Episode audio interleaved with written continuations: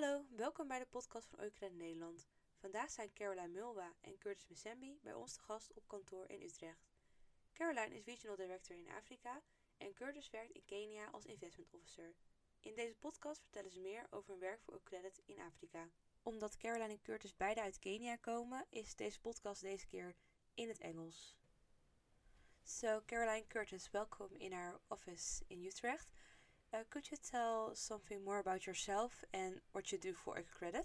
So, my name is Caroline Mulwa. I'm the Regional Director for Africa at Oikocredit. Um, I am responsible for providing leadership to the Africa team and for driving the business in Africa, which means that we are constantly looking for new projects in which we can invest. We're constantly looking to identify projects that have a very clear social impact uh, so that we can be able to provide them with either debt or equity from Oikocredit. We are working in 13 countries in Africa, uh, but we work in those 13 countries through three hubs.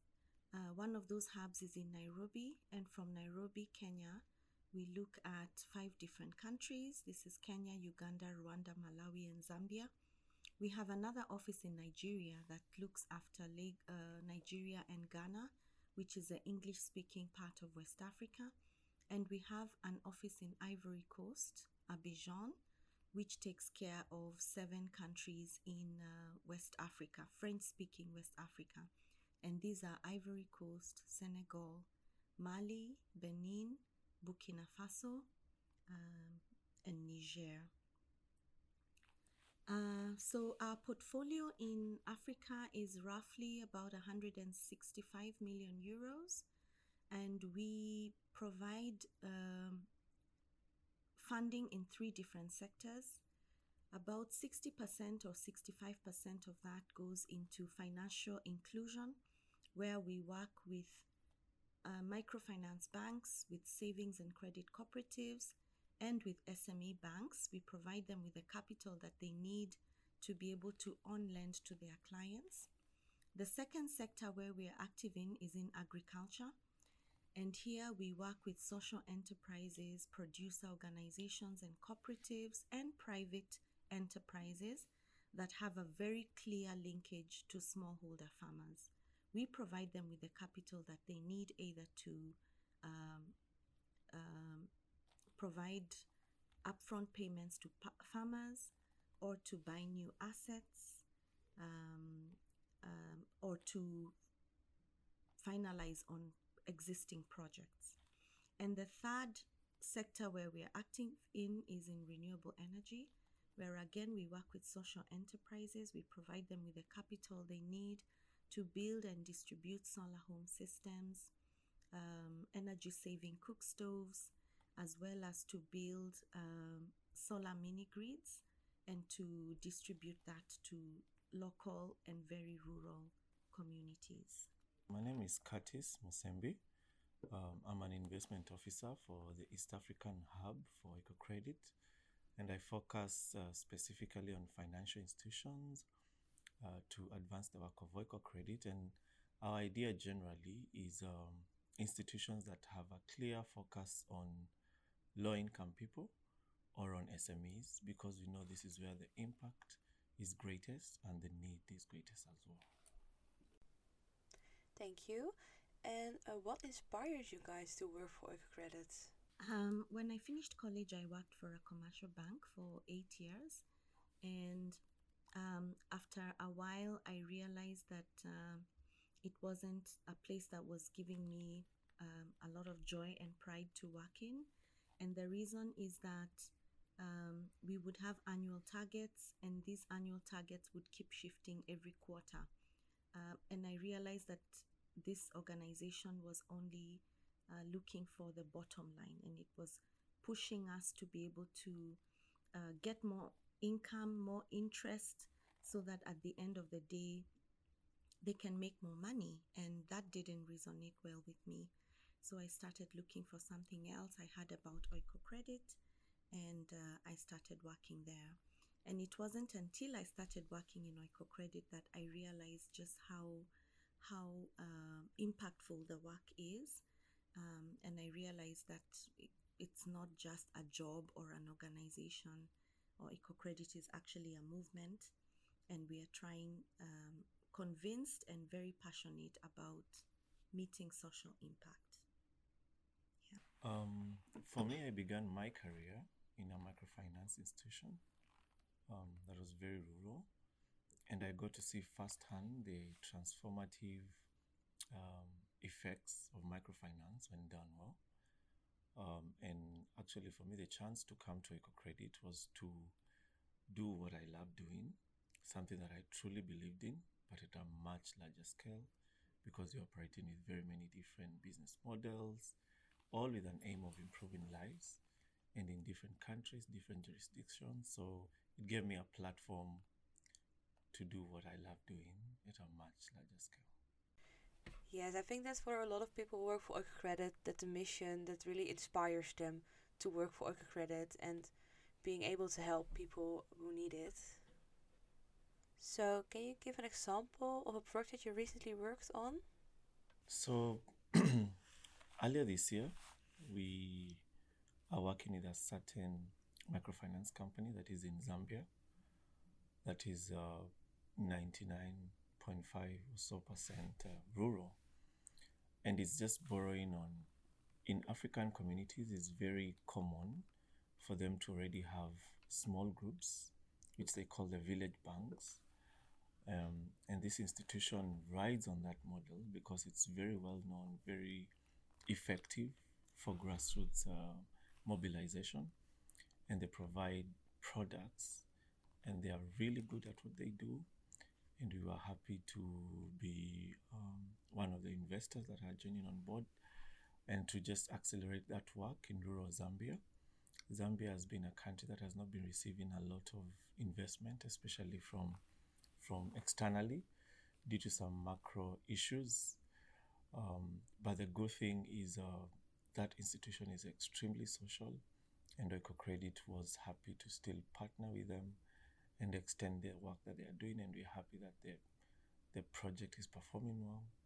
The loan that we gave them is performing well, and we know that their impact uh, will will continue being accelerated.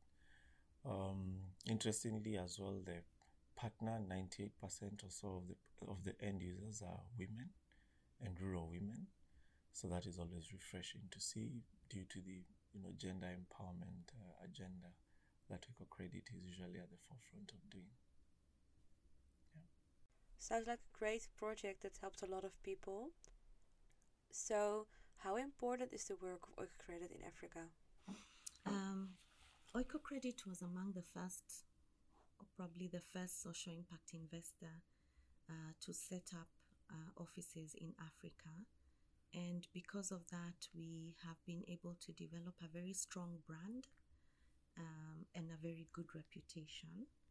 And um, that really goes uh, before us. Our reputation goes before us. Over the last 10 years, we've had a proliferation of social impact investors, people setting up, and of course, they choose Nairobi as the regional office. So we've been able to see those changes and those um, additions coming up over the years. Um, what makes us um, distinguished and uh, and important? Um, first of all, a lot of the social in impact investors want to know who we are working with, so they trust that if we are working with a certain institution, then they can also work with us. So we oh, we have opened doors for a lot of um, our partners, being the first social impact investor, and then others coming in and trusting um, trusting our presence already in that uh, organization. Something else that distinguishes us very much is uh, the fact that Oikocredit is evergreen. We call it evergreen and not green in terms of uh, of energy, but in terms of the longevity of the funds that we get from our investors.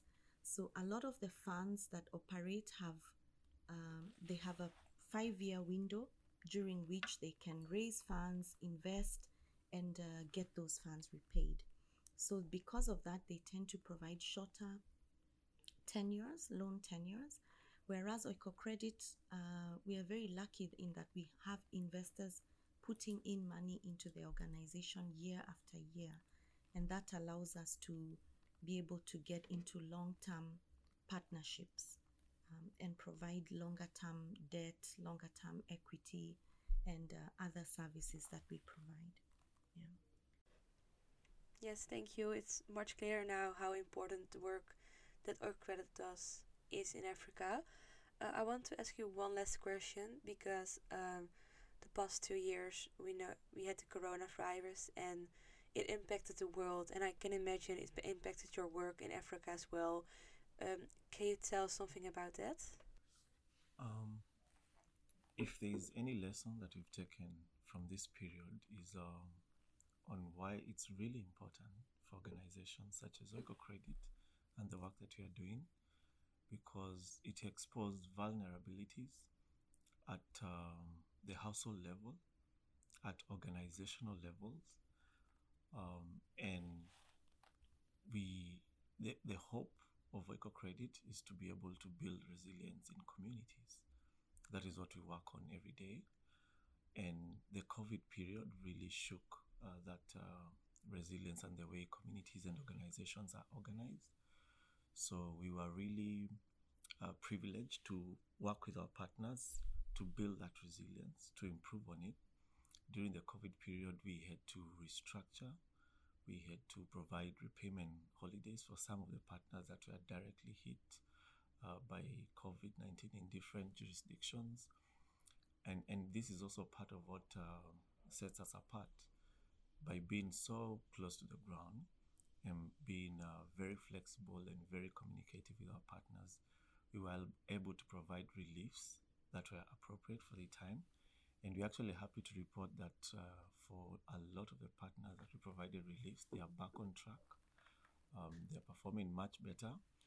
We are actually seeing a surge in demand as um, a lot of institutions are now back in business. They need to provide capital to end users to recapitalize their also their businesses as well. So it's uh, it's been really interesting to watch, but still a reminder that we need to build capacity at all levels of communities and households as well. Good to hear that you are recovering from the coronavirus as well. So, thank you very much for being here and answering all these questions. I also want to wish you safe travels home because you're going back to Kenya tomorrow.